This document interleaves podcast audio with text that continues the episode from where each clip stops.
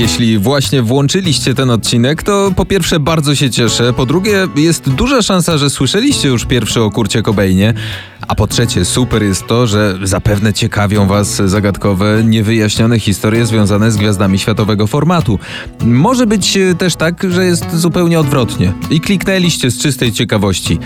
No to musicie wiedzieć, że to jest podcast... A właśnie, Panie lektorze, bardzo proszę. Poznaj tajemnicze okoliczności śmierci gwiazd.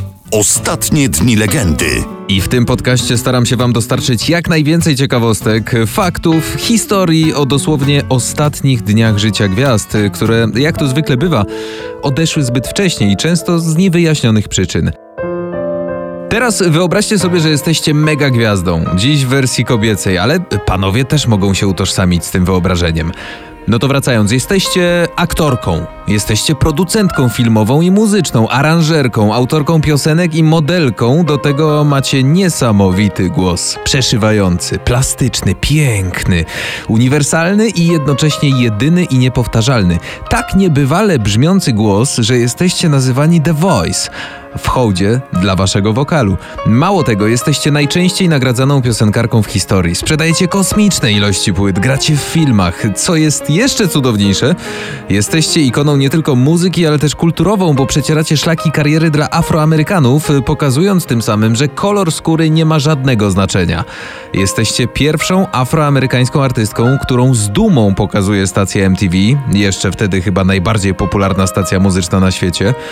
Za tym idą ogromne pieniądze, domy, limuzyny, no wszystko, o czym tylko marzycie. Gdzie w tym planie jest słaby punkt?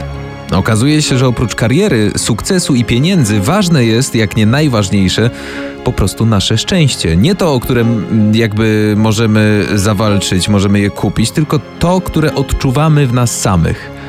A do tego potrzebni są też ludzie wokół nas. Whitney Houston, która jest bohaterką tego odcinka, no to szczęście i wszystko, co osiągnęła, zaczęła powoli tracić. Ale zaczęło się w 1989 roku, gdy poznała swojego przyszłego męża Bobiego Browna. Bezczelny, skłonny do wybuchów, gwiazdor soulu, wciągnął ją w świat imprez i narkotyków. Świat, z którego Whitney nie umiała się wydostać. Nawet po narodzinach córki, a potem po głośnym rozwodzie z Bobim. Ale dobra, jesteśmy na razie w roku 92. Whitney Houston była na szczycie świata, ale jej życie bardzo szybko się komplikowało. W tym samym roku poślubiła piosenkarza R&B Bobiego Browna po tym, jak trzy lata wcześniej się zaręczyli.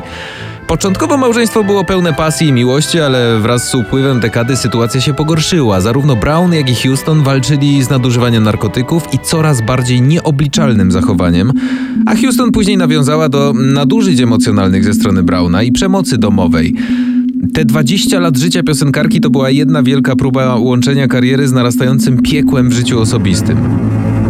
Grała w filmach, tworzyła ponadczasowe przeboje, no, wszyscy doskonale pamiętamy film Bodyguard, w którym zagrała u boku Kevina Costnera. Nucicie sobie pewnie teraz singiel I Will Always Love You który był ścieżką dźwiękową do tego filmu. Sprzedaż płyt ze ścieżkami dźwiękowymi właśnie rosła w zawrotnym tempie. W roku 98 album My Love Is Your Love i kolejne Grammy, tym razem za singiel It's Not Right But It's Okay. No i tak dochodzimy do końca lat 90. i początku 2000 roku. Małżeństwo z Brownem mocno odbiegało wtedy od ideału. Houston zmagała się z narkotykami i problemami zdrowotnymi, które groziły wykolejeniem jej kariery.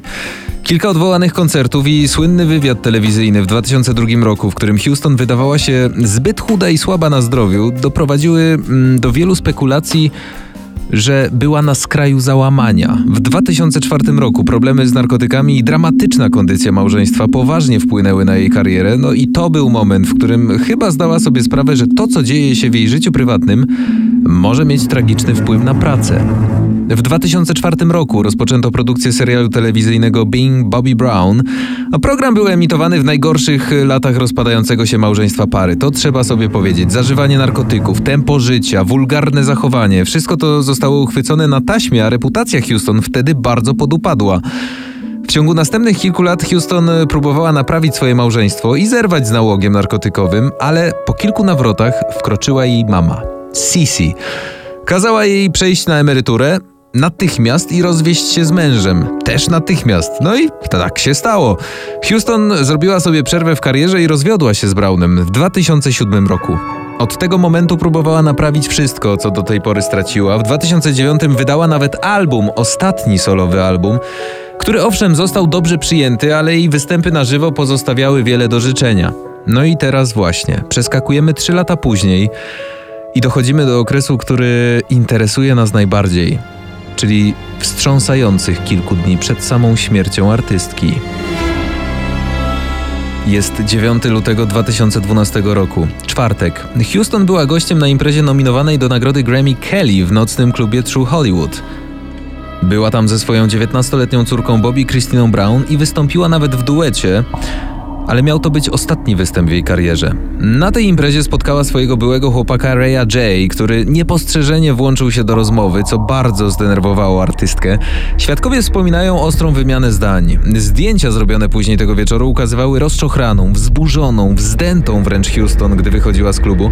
Podobno musiała być eskortowana z krwią ściekającą po jej nodze i zadrapaniami na nadgarstku. Wieczór później, w piątek, 10 lutego, Whitney e, spędziła ten wieczór w barze hotelu Beverly Hilton z grupą przyjaciół.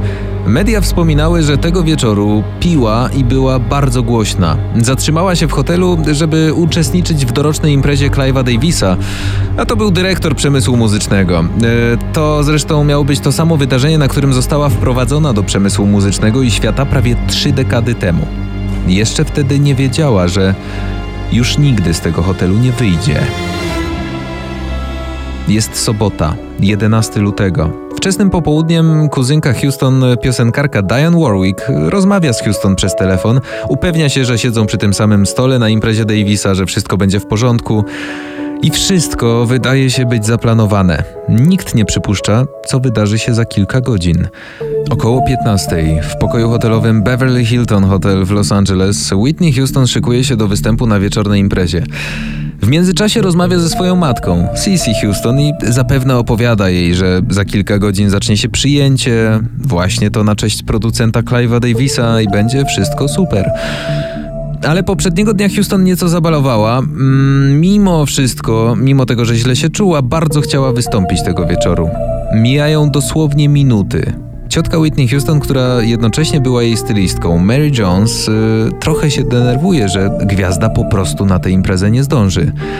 Mary Jones yy, przynosi sukienkę Whitney, ale w końcu zaniepokojona, stojąc pod drzwiami łazienki, puka. Nikt nie odpowiada. Ciotka Whitney postanawia wejść do środka. Widzi nieprzytomną piosenkarkę leżącą w wannie. Próbuje ją ratować. Z wielkim trudem wyciąga Houston z wanny, ale ta, mimo wysiłków Jones, nie odzyskuje już przytomności. Ciotka Mary woła karetkę. Policja, która była już na miejscu przygotowując się do wieczornej imprezy, przybyła do pokoju dosłownie w dwie minuty.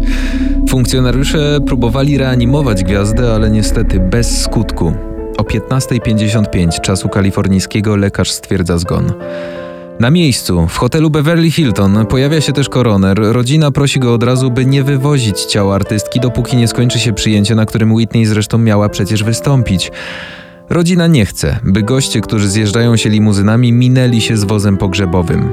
Mark Rosen, porucznik policji z Beverly Hills, tuż po znalezieniu ciała nie był w stanie stwierdzić żadnych oczywistych oznak przyczyn śmierci. Urzędnicy z biura koronera w Los Angeles wyszli z ciałem Houston około godziny 1.50, tymczasem impreza Clive'a Davisa przebiegała wtedy zgodnie z planem. Davis zresztą powiedział, że właśnie tego chciałaby Houston. No tylko akurat e, ta scena nie należała do normalnych i najprzyjemniejszych. Wyobraźcie sobie celebrytów na czerwonym dywanie, a nieopodal stoi zaparkowany wóz pogrzebowy, a obok niego paparazzi czekający na pojawienie się ciała. Dramatyczny widok. Ale zresztą jak później w trakcie mowy pogrzebowej, po występie chóru gospel i wysłuchaniu I Will Always Love You, powiedział Kevin Costner, Whitney była już wtedy w domu.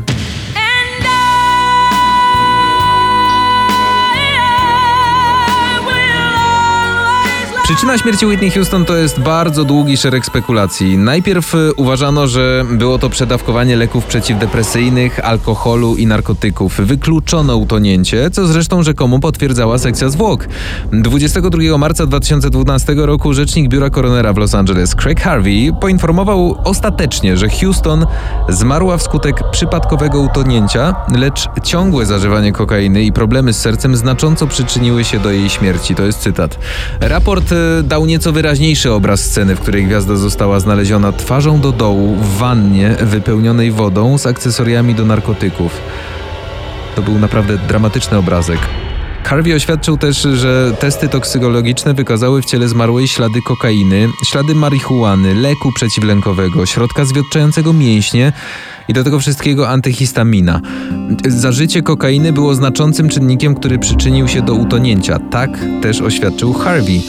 42-stronicowy raport koronera hrabstwa Los Angeles ujawnił też nieznane i często zaskakujące szczegóły dotyczące piosenkarki w chwili jej śmierci, a także to, co znaleziono w jej pokoju hotelowym w Beverly Hilton. Ja przyznam szczerze, poszperałem trochę, sprawdziłem wszystkie szczegóły. Mam kilka właśnie teraz i muszę powiedzieć, że to nie były zabawki. Więc tak, mała łyżeczka z substancją podobną do białego kryształu, do tego zwinięty kawałek białego papieru, no takie przedmioty są przecież używane do wciągania kokainy.